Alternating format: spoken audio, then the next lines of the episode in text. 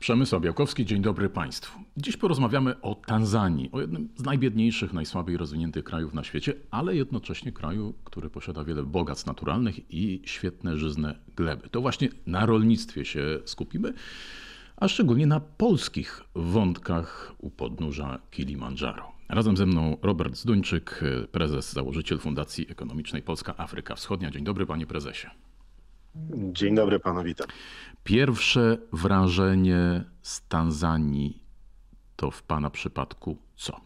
Myślę, że to, co pan powiedział, piękno natury, piękne kolory, e, bogactwo, bo chyba bym się nie zgodził z tym, co pan powiedział, że to jeden z najbiedniejszych krajów. Wydaje mi się, że e, zależy jeszcze, jak mierzymy oczywiście to bogactwo kraju, prawda, czy biedę. Jasne.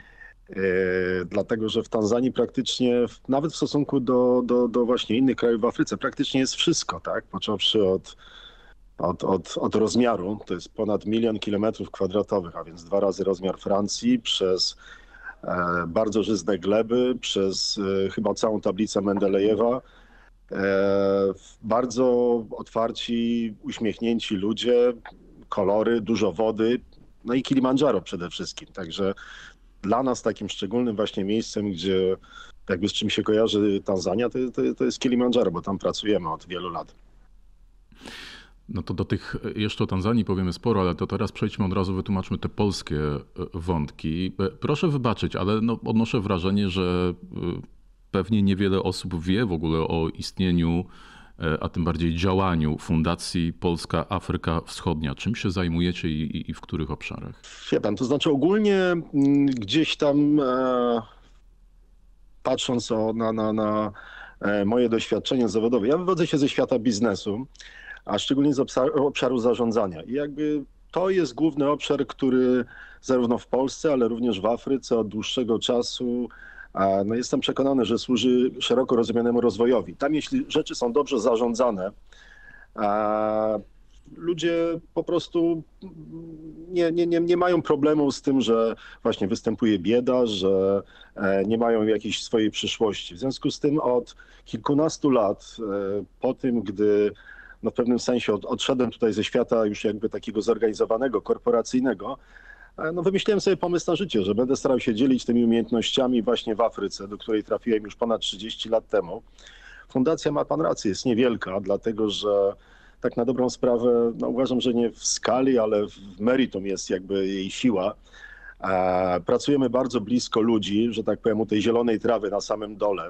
Myślę, to o czym będziemy rozmawiać będzie tego najlepszym dowodem.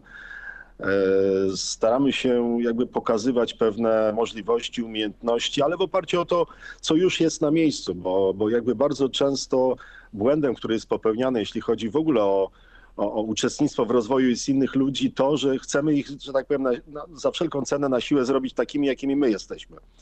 A tutaj jakby no, po wielu latach doświadczeń, podróżach, przebywania z ludźmi w Afryce, ale nie tylko w Afryce, wiem, że, że to po prostu nie działa.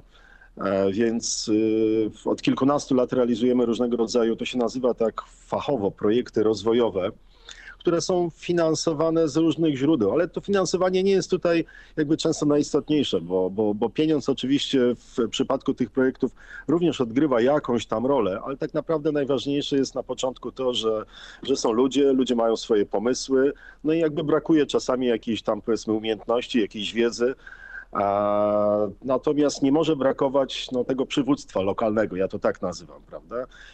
I, I w momencie, gdy udaje się takich ludzi zidentyfikować, e, to z reguły tym drugim elementem brakującym jest dobre zarządzanie. No i to jest ten obszar mojej ekspertyzy, gdzie, gdzie, gdzie, gdzie gdzieś tam staram się pomóc. Oczywiście mając różnego rodzaju e, wiedzę, umiejętności po tej stronie, również aspekt finansowania wtedy się pojawi, bo rzeczywiście no, nawet to, o czym będziemy rozmawiali, o, o biogazowniach, no one też wymagają jednak mimo wszystko, że trzeba kupić cement, trzeba kupić E, drut zbrojeniowy i tym podobne rzeczy, prawda? Więc to, na to potrzeba trochę środków. Ale, ale często są one mniejsze i tak naprawdę dopiero na którymś tam etapie istotne, a nie na samym początku. To za moment szczegółowo powiemy o biogazowniach, ale ja zapytam od drugiej strony, to czego w takim razie Ci ludzie tam na miejscu nie potrzebują od nas, bo, bo pan powiedział, że to no, nie zawsze działa tak, jak mogłoby się wydawać, e, że nasze jakieś rozwiązania czy, czy wzorce powinniśmy przenosić i, i, i ludzie w innym zakątku świata te, tego potrzebują. To może jest coś, e, co, co pana zdziwiło, zaskoczyło, co pana zdaniem mogło się tam e, zaadoptować, przydać, a, a okazało się zupełnie niepotrzebne. Znaczy, wie pan, no, przede wszystkim ludzie nie potrzebują e, wszystkiego więcej. Tak? To znaczy, bardzo często zadowalają się e, tym, co, co jakby na bieżąco mają, dlatego że, że żyją w jakiejś tam, powiedzmy sobie, równowadze, która e, jakby na potrzeby codziennego życia jest zupełnie wystarczająca. No, bardzo często właśnie podaję taki przykład pożywienia, tak? Dlatego, że w Tanzanii szczególnie to znaczy pożywienie praktycznie jest świeże pożywienie. Świeża żywność jest dostępna no, praktycznie 365 dni w roku. Tam ciągle rosną e, choćby banany, prawda, które, które są wykorzystywane na dziesiątki sposobów. My je znamy, prawda, jako deser, jako owoc, natomiast e, tam ludzie jedzą banany, że tak powiem, w dziesiątki możliwych, na słono, na ostro, na kwaśno, na słodko. Więc oni nie potrzebują na przykład żywności przetwarzanej, tak? Nie potrzebują jakiejś tam komplikacji, że można to w taki czy inny sposób e, podawać jeść, dlatego że mają rzeczy świeże. E, goście, turyści, którzy przyjeżdżają, dziwią się, mówią, no słuchajcie, ale ta wasza kuchnia często jest taka, bym powiedział, monotonna, bo rzeczywiście często Tanzańczycy, myślę, że nawet nie Tanzańczycy, jakby w wielu krajach Afryki, ludzie z grubsza jedzą codziennie to samo. E, nie wydziwiają, prawda, no, że dzisiaj taki smak, a jutro taki smak, dlatego że wszystko, co jedzą, jest świeże jest bardzo, no czuć to słońce, prawda? To znaczy w momencie, kiedy gryzę banana, no to to nie jest jakiś tam, powiedzmy sobie, nasączony chemią banan, prawda, który, no ale, ale po prostu ten smak, e, nie cukru, ale, ale, ale taki, takiej tej bananowatości, że tak powiem, z niego wychodzi. Ludzie są z tego zadowoleni. Ludzie mają to właśnie w bardzo dużych ilościach na co dzień, więc nie potrzebują bardzo często tych dziwnych smaków pomieszanej marakui z czymś tam jeszcze i tak dalej, prawda? Które nomen omen bardzo odbiega od tego, jak smakuje marakuja. Czyli ciężko właściwie o bardziej przyjazną środowisku czy ekologiczną dietę, bo wszystko jest na miejscu. Y, ten sezon, mówi się Polsce, że najlepsze jest to, co jest sezonowe. No tam sezon jest właściwie cały rok na te owoce czy warzywa, o których y, y, Pan mówi. Nie ma potrzeby transportowania, przechowywania, tym bardziej jakichś jeszcze lodówek czy, czy chłodziarek. Za moment przejdziemy do kwestii związanych z, z, z mediami w ogóle i, i, i prądem do tego potrzebnym. No ale to już może teraz przechodząc, bo, bo Pan wspomniał o biogazowni, to jest właściwie taki temat, o, o którym chciałbym, żebyśmy porozmawiali głównie, no bo to jest, to jest projekt y, znowu y, ekologiczny, znowu w jakimś sensie no, technologiczny, mimo że to bardzo prosta e, technologia, no ale coś, co no, wcześniej było tam, rozumiem, nieznane, nieużywane. Proszę trochę więcej o tym opowiedzieć, jak, jak to wygląda, jaka tak. to jest skala tego projektu. Tak, tak. Od, od, od, pięciu, od pięciu lat współpracujemy właśnie z lokalną mleczarnią, spółdzielnią mleczarską na zbocza Kilimandżaro. Nazywa się Kondiki. To jest nazwa wioski, skąd ona się wywodzi. To jest projekt, e, który tak naprawdę, ten element biogazowni to jest jeden tylko z jego komponentów, elementów, bo, bo tak naprawdę głównym celem, znowu, jest pewien rozwój społeczny. No, są rolnicy, rolnicy mają, to są z reguły rolnicy małorolni, w związku z tym no, mają na dzień dzisiejszy w gospodarstwie e, wszystkiego wystarczająco, żeby przeżyć, ale za mało, żeby, że tak powiem, dobrze prosperować. Nomen omen, ja pamiętam, ponieważ no, mój dziadek pochodził ze wsi, to znaczy to jego gospodarstwo te jakieś 40 lat temu na dobrą sprawę miało bardzo podobny charakter. Widzę bardzo wiele analogii. To były trzy krowy, pięć świń, jakiś tam konik, trochę kur i tak dalej, prawda? I właśnie w tamtym czasie również działo się to, co dzisiaj dzieje się w e, Kilimandżaro, w Tanzanii, w wielu pewnie innych miejscach. Mianowicie, no, mając te dwie, trzy krowy, no wiadomo, krowa daje mleko. Jest tego mleka trochę więcej niż możemy e, na własne potrzeby często e, spożytkować. No i ludzie się zorganizowali, mm, stworzyli formę spółdzielni, gdzie, gdzie to mleko zbierali. No i to mleko sprzedają, prawda? I tutaj oczywiście pojawia się już mnóstwo wyzwań związanych z przetwórstwem, z zarządzaniem, jak to wszystko zrobić. Natomiast no jakby ewidentnie widać było, że jest w nich, że tak powiem, potrzeba, pasja, chęć, wizja rozwoju. Szczególnie, że też bardzo taką istotną kwestią jest, że E, I to jest znowu analogia do, do tego, jak ja pamiętam moją babcię. Pieniądze od krowy za mleko to były pieniądze babci. To nie były pieniądze, że tak powiem, często gdzieś tam idące na potrzeby różne gospodarstwa. I tak babcia, że tak powiem, dawała je na potrzeby, ale ale, ale to nie były te pieniądze w głównym nurcie. A dlaczego one były takie ważne? No bo gdzieś tam raz na koniec miesiąca prawda, była wypłata i, i tych pieniędzy zebrało się ileś tam więcej. To samo dzieje się właśnie w tejże Tanzanii. My tam spotkaliśmy ponad 5 lat temu właśnie ludzi, tak jak powiedziałem, tych lokalnych liderów, ludzi, którzy mieli pomysł.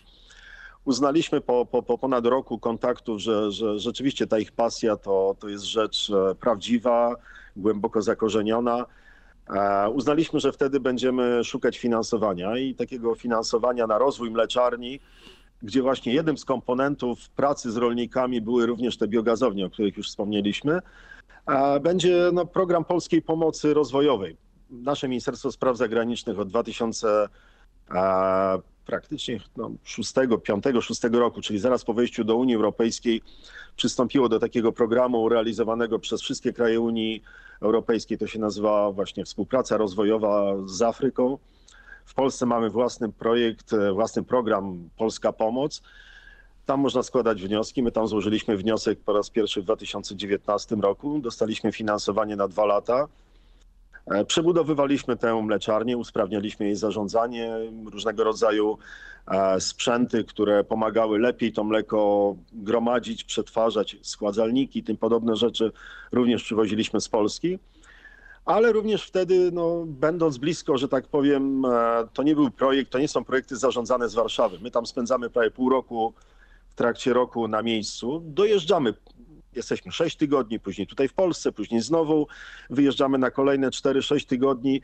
Spędzamy mnóstwo czasu po prostu blisko, że tak powiem, gruntu u rolników. E, no i tam zobaczyliśmy między innymi, że te biogazownie de facto już pojawiały się, więc uznaliśmy, że nie ma co wyważać drzwi do lasu. To jest bardzo dobry, dobry pomysł, zważywszy na to, że adresuje wiele innych problemów, wyzwań. W Afryce, tak jak wspomniałem, to żywność jest świeża, ale w większości ludzie jedzą ją w formie przegotowanej.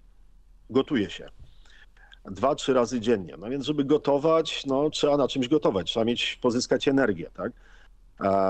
W ostatnie 20-30 lat to jest bardzo dynamiczny rozwój demografii, liczby ludności w Afryce. No więc, y, ponieważ historycznie no, najprostszym do pozyskania źródłem energii było drewno, no to nagle okazało się, że tego drewna zaczyna być coraz mniej, bo, bo ludzi przybywa, więc gdzieś tam te, te miejsca, które były zalesione, nagle zaczynają być mocno przerzedzone, a później prawie że puste. E, więc jeśli, jeśli, jeśli pojawiają się rozwiązania, które no, powodują, że ta presja na, na przykład na wylesianie no, może być mniejsza, no to tylko, tylko im przy, tak powiem, przytakiwać i, i je wspierać.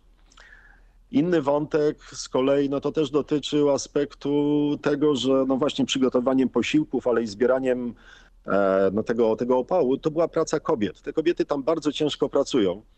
Więc jeśli pojawia się rozwiązanie, które no właśnie przy okazji innych rzeczy, no bo te krowy tak czy inaczej w gospodarstwie były, można spowodować, że że tego lasu, prawda, czy tych drzew się nie wycina, że te kobiety mają więcej czasu, no to, no to, no to dla nas było oczywiste, jak żeśmy zobaczyli te pierwsze biogazownie, że, że również warto, warto to wspierać. A jak to wygląda? No bo to, to, to może się kojarzyć, że to jest jakaś bardzo skomplikowana e, rzecz, no ale zakładam, że no w, w praktyce w takim miejscu to nie może być bardzo skomplikowana instalacja, przedsięwzięcie.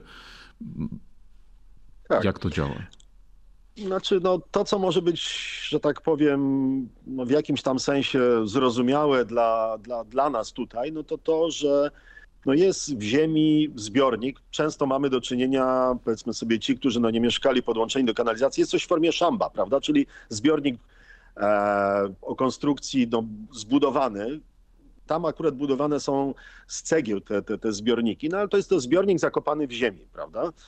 E, ma on z reguły kształt, y, to nie jest prostokąt, bo u nas no, bardzo często szambo, gdy jest budowany, jest to prostopadłościan.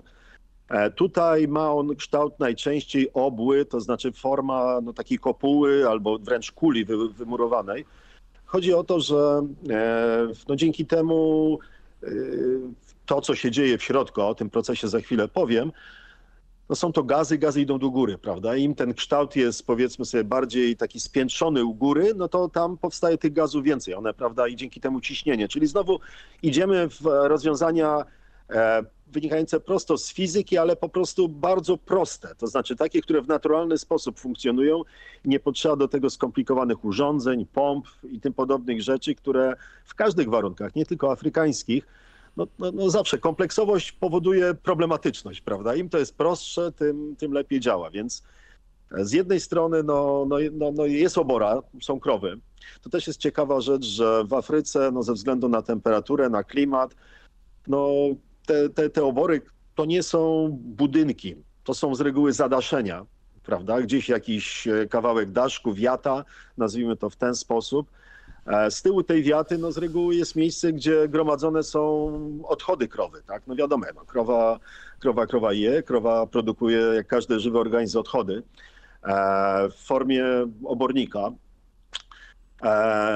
Tutaj y, ten obornik jest o tyle jakby istotny, że, że on jest przez rolników trochę oczyszczany, tak? To znaczy, żeby jak najprościej, że tak powiem, uprościć życie E, tym mikroorganizmom, bakteriom, które właśnie w tymże zbiorniku, o którym mówiłem za chwilę, no de facto czynią całą pracę, e, no to jest on oczyszczany, rozwadniany, prawda, no i wlewany do tych zbiorników. Są specjalnie takie wymurowane rowki, nazwijmy to z cegieł, z betonu, żeby to, że tak powiem, znowu w oparciu o grawitację mogło w cudzysłowie poruszać się samo, prawie że. Więc, więc ten materiał wsadowym, jakim są no, odpady, obornik, e, odchody krowie pomieszane z wodą, wpada do tego zbiornika. Zbiornik jest cały poniżej poziomu ziemi. On jest zakopany e, w ziemi, no po to, żeby nie przeszkadzał, żeby go nie uszkodzić. I tam dzieje się, dzieje się kilka procesów chemicznych w oparciu o, o bakterie, które rozkładają E, tą no, biomasę, czyli materiały organiczne, w tym wypadku no, pochodzące z odchodów. Jednym z głównych produktów e, tych procesów są właśnie gazy, głównie metan i dwutlenek węgla, plus tam jakieś inne, no ale tu chodzi o ten metan, prawda, no bo metan to jest, to jest ten gaz, który jest używany następnie właśnie, my go używamy w kuchenkach gazowych, które mamy podłączone do sieci gazowej, to również jest metan, a tak jak wspomniałem, te kopuły no, mają kształt taki, że, że jeśli to jest półkoliste, no to na górze gromadzi się tenże metan. E, Im dłużej pracuje, pracuje, pracuje taka kopuła, to tego gazu wytwarza się coraz więcej.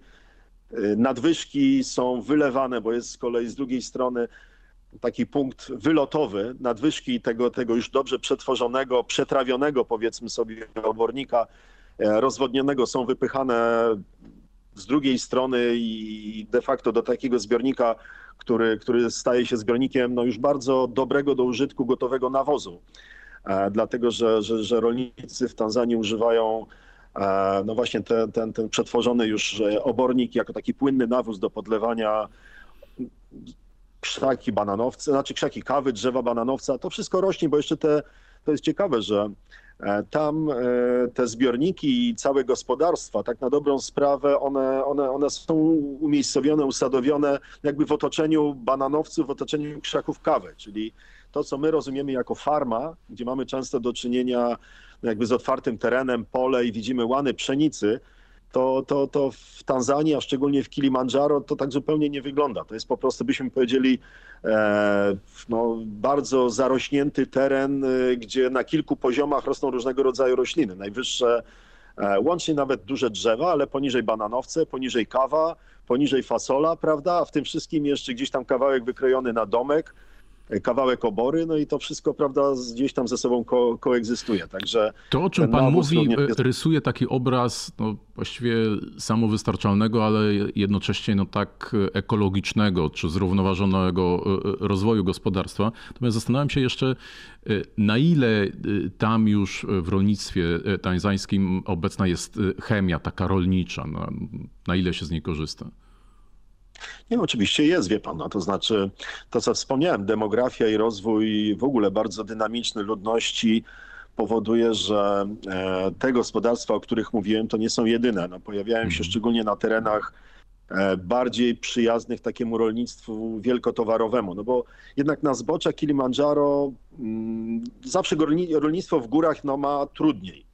Dlatego, że, że, że ten e, spadek, gleba, która jest z reguły kamienista, no powoduje, że tam te, te, te uprawy wielkotowarowe no, nie są obecne z reguły, natomiast y, w innych terenach, y, tam gdzie przede wszystkim uprawiana jest no, w dużej skali kukurydza, która stała się głównym tak jakby no, źródłem energii dla, dla, tak jak dla nas ziemniaki, tak dla, dla Tanzańczyków kukurydza, to tam oczywiście ta chemia jest i w bardzo dużej skali niestety występuje. Także ten idyliczny obraz e, takiego zrównoważonego rolnictwa no, jest tutaj jakby przez to zamieszany. Mhm.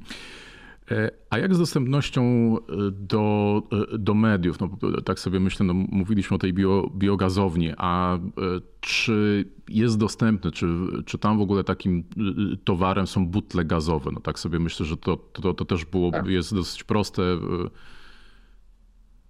5-6 lat temu, muszę panu powiedzieć, gdybyśmy jechali wzdłuż większości dróg, to to, na co by na pewno zwrócił Pan uwagę, szczególnie mając właśnie to swoje e, zacięcie ekologiczne, zobaczyłby Pan no, ogromne liczby worków e, przy drodze stojących. Zadałby mi Pan pytanie, co to za worki? No, to byłby węgiel drzewny, no, bo tak jak hmm. wspomniałem, to było główne źródło energii jeszcze 5, 6, 7 lat temu dla zdecydowanej większości Tanzańczyków. On dalej jest. Ja byłem parę, jakieś, jakieś dwa miesiące temu w Zambii. W Zambii e, na przykład takiej zmiany, jeśli chodzi o przejście właśnie do nowszych metod pozyskania energii jeszcze nie widać. Natomiast w Tanzanii wydarzyło się to, że w którymś momencie i to dzięki no, takiej, bym powiedział, dosyć ambitnej, mocnej polityce a, ówczesnego prezydenta, który, który powiedział, że no chyba nie, nigdzie dalej nie dojdziemy, jeśli będziemy te drzewa wycinali i postawił mocno na, na, na gaz, na butle gazowe, gdzie oczywiście wszyscy byli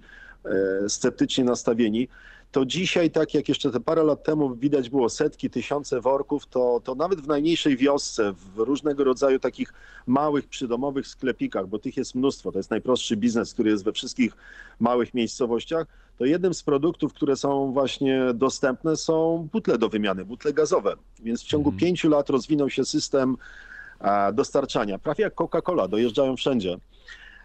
Gdzieś tam w teren, w większych miastach są, są większe rozlewnie. Także ta infrastruktura no, w ciągu ostatnich paru lat, sam jestem zaskoczony, bo znam, znam Afrykę od ponad 30 lat, to tutaj byłem zszokowany, że w tak krótkim czasie udało się osiągnąć no, tak istotną zmianę. Ale butla kosztuje, bo to jest właśnie kolejne pytanie, które czasami się pojawiało, to po co te biogazownie w momencie, kiedy można sobie butle Raz, że, że, że zakup pierwszy butli, druga rzecz, y, no, wymiana, to, to, to, to są dużo większe koszty. U nas butla kosztuje 70-80 zł, taka 11-kilogramowa gazu dla tych, którzy jej używają. W Afryce, w Tanzanii ona potrafi kosztować ta sama butla ponad 100 zł, co przy sile nabywczej Tanzańczyków mniejszej, no widać, że jest to cały czas drogi, nie chcę powiedzieć luksusowy sposób na gotowanie, ale, ale na pewno bardzo, bardzo drogi. Także te biogazownie, no jakby kolejna korzyść jest taka, że, że no mamy benefit ekonomiczny, prawda, ci, którzy mogą. Jak pan mówił e, o, o, wspomnieniach, o, o, historii gospodarstwa swoich dziadków, takiego niewielkiego, jak, jak pan pamięta, gdzie to obecnie podobnie e, wygląda w Tanzanii, to ja tak sobie pomyślałem o tych butlach. Ja też pamiętam, nie wiem, sprzed 20 paru, może 30 lat e, u dziadków w domu butlę gazową, którą się wymieniało. No teraz, teraz jest, jest ten gaz z sieci. No i teraz może trochę porównując do naszych czasów, zastanawiam się, czy, czy to już się pojawia, czy to znowu będzie kwestia, nie wiem, 20, 30 czy, czy ilu lat.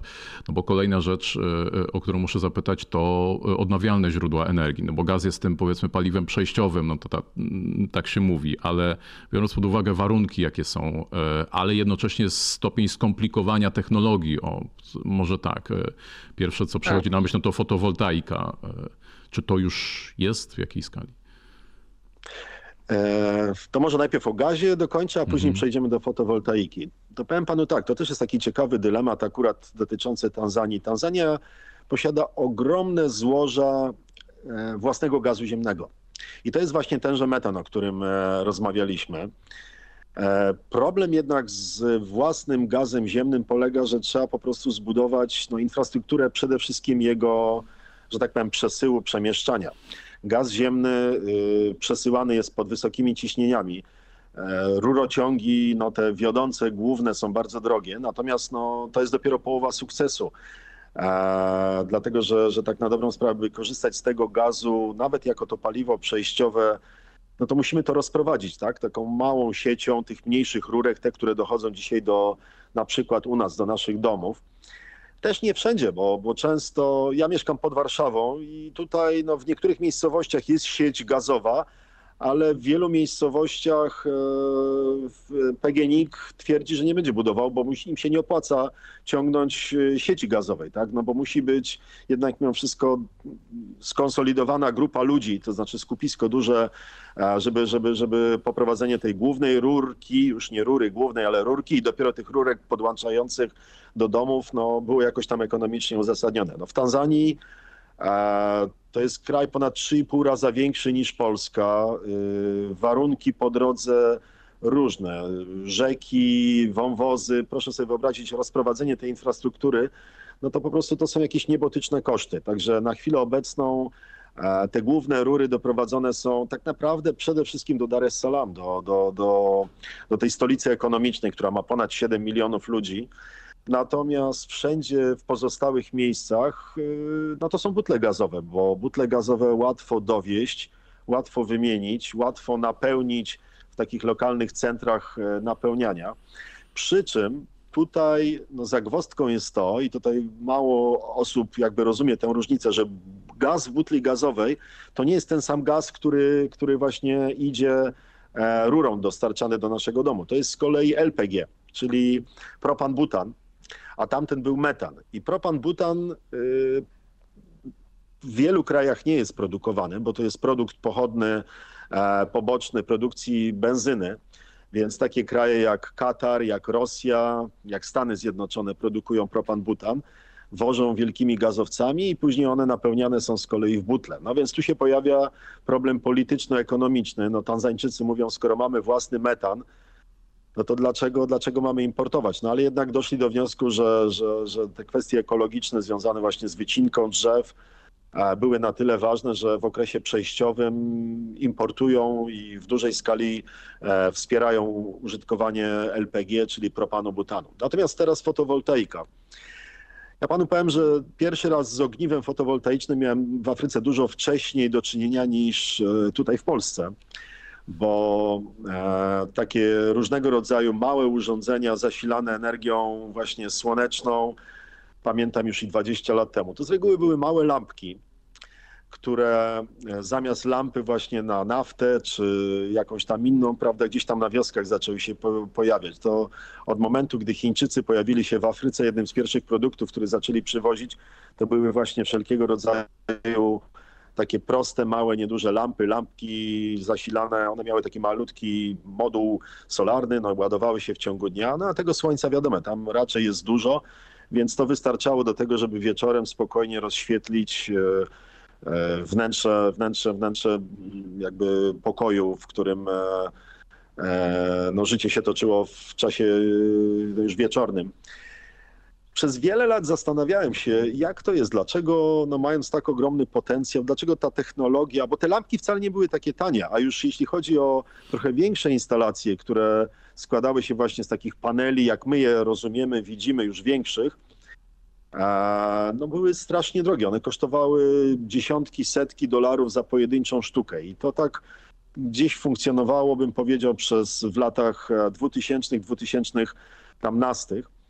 Dopiero w ostatnich paru latach y, zauważyłem ogromną jakby cen, obniżkę cen wszelkiego rodzaju technologii panelowej, solarnej. Ona się, ona się mocno rozwija, e, łącznie z tym, że w niektórych miejscach w tejże Tanzanii, ale również w innych krajach, to znaczy no już widać, czasami są to wielkie takie nawet farmy fotowoltaiczne, ale w większości przypadków to są e, jednak instalacje, nazwijmy to indywidualne, na potrzeby czy to grzania ciepłej wody, czy też na, na potrzeby produkcji jakiejś takiej podstawowej energii dla, dla, e, gospodarstwa domowego, czyli kilka, kilka paneli. Z reguły to nie są już takie baterie, jak u nas na domach, na dachach widzimy po kilkanaście. Z reguły to są dwa, trzy, cztery, dlatego że ludzie tam jakby, no znowu, nie, no nie mają zapotrzebowania aż takiego na ten prąd. To z reguły są dwie, trzy żarówki.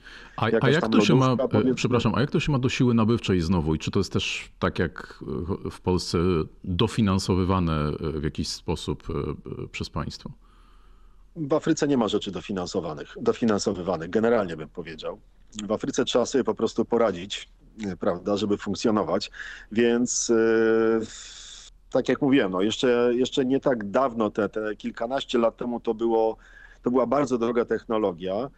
E, w międzyczasie no, dwa procesy się zadziały. Z jednej strony e, to, to dla osób, które może na co dzień nie zajmują się Afryką, to może być takie dziwne, ale Afryka jednak bardzo szybko się rozwija i liczba ludzi, którzy e, bogacą się w sensie, że no niekoniecznie mówimy o miliarderach, ale, ale powiedzmy sobie takiej średniej klasie i osobach o, o jakby takim no już przewidywalnym dochodzie, no, ta liczba bardzo szybko rośnie. W związku z tym, z jednej strony ta technologia dla nich stała się osiągalna, no bo mają dochody, ale i technologia sama w sobie zaczęła tanieć. Tutaj, no jakby nie będąc specjalistą od fotowoltaiki, nie wiem, co się stało. Czy polityczna jakaś decyzja została podjęta, czy jakiś monopol złamany, że rzeczywiście ta technologia, a może masa krytyczna pewnych e, pewnych jakby zależności no, gdzieś tam została pokonana. W każdym razie z jednej strony ta technologia zrobiła się bardziej osiągalna, bo, bo zrobiła się tańsza, ale z drugiej strony, bo pojawia się coraz większa grupa ludzi, których po prostu na te pierwsze proste instalacje stać. I one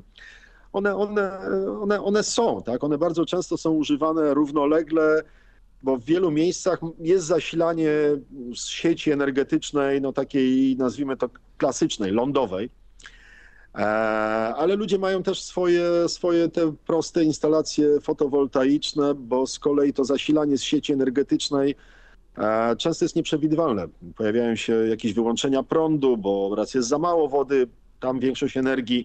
E, w wielu miejscach dalej, jeśli chodzi o klasyczne elektrownie, jest generowana przez hydroelektrownie, więc czasami w momentach suchych no nagle tej wody nie ma wystarczająco. W związku z tym racjonowanie prądu się pojawia. W innych momentach no te, te elektrownie gdzieś tam mają za dużo prawda, prądu, za dużo wody, więc w związku z tym też gdzieś tam są. No i zarządzanie też jeszcze oczywiście gdzieś tam się kłania, że, że, że są pewne błędy, różne rzeczy robione, więc ta fotowoltaika jako element wsparcia sprawdza się i coraz więcej osób z tego korzysta. To jeszcze na koniec zapytam pana o e, pana takie prognozy dla, dla Tanzanii. Nie mam na myśli już tylko tych kwestii ekologiczno-energetycznych, o których e, rozmawialiśmy, bo do tej pory pewnie jest tak, że z naszej tutaj europejskiej czy polskiej perspektywy, no to jest e, Kilimandżaro i właściwie dalej nie wiadomo co, a czym takim, jakim krajem, z czego może zasłynąć, z czym, w jakim kierunku może się rozwinąć Tanzania za te, nie wiem, 10, 20 czy 30 lat? No wie pan, tych bogactw jest ileś. No przede wszystkim to są ludzie, bo tam e, ma, jest w ogóle w całej Afryce, ale w Tanzanii. Tanzania dzisiaj ma 65 milionów ludzi.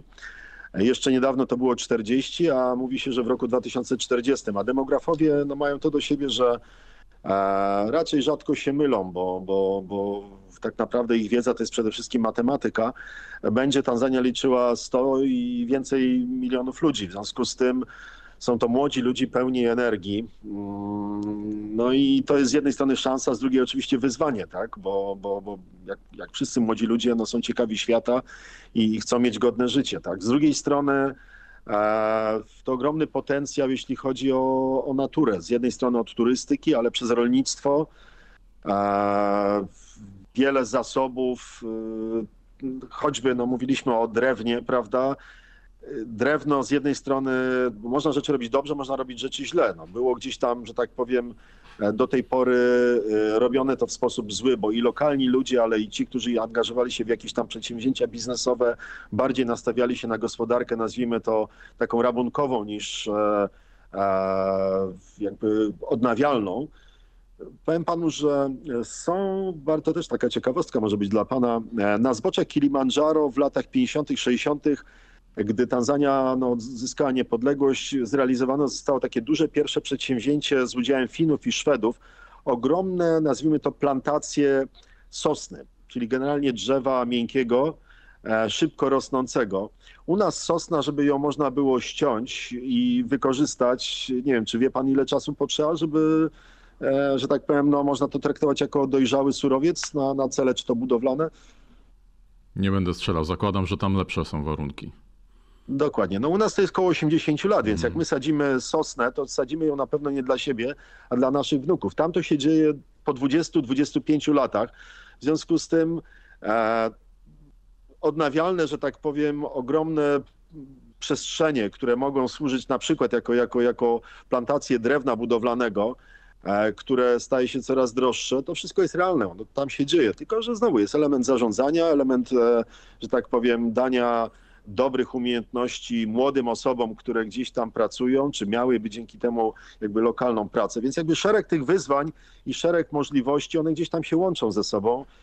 Ja jestem optymistą, to znaczy wierzę, że, że, że, że te kraje, akurat Tanzania jest mi najbliższa, ale, ale, ale również pozostałe, e, no będą miały tę szansę, żeby się rozwinąć. Zresztą tak jak Polska dostała swoją szansę. Stąd między innymi również e, osobiście się gdzieś tam, oczywiście jest to mikroskala, ale osobiście się gdzieś tam angażuję, bo, no bo w coś trzeba wierzyć, tak? I jakby czynić też w tym kierunku. Także, także myślę, że e, to bogactwo różnego rodzaju e, naturalnych zasobów, ale i, i, i ludzi z ogromną energią, to jest ten potencjał. Jedyne co potrzeba, to właśnie współpraca z ludźmi takimi jak, jak my, którzy jeszcze rozumieją, co to znaczy rozwinąć się, bo, bo sami nie tak dawno byliśmy, nazwijmy to, biednym, nierozwiniętym krajem.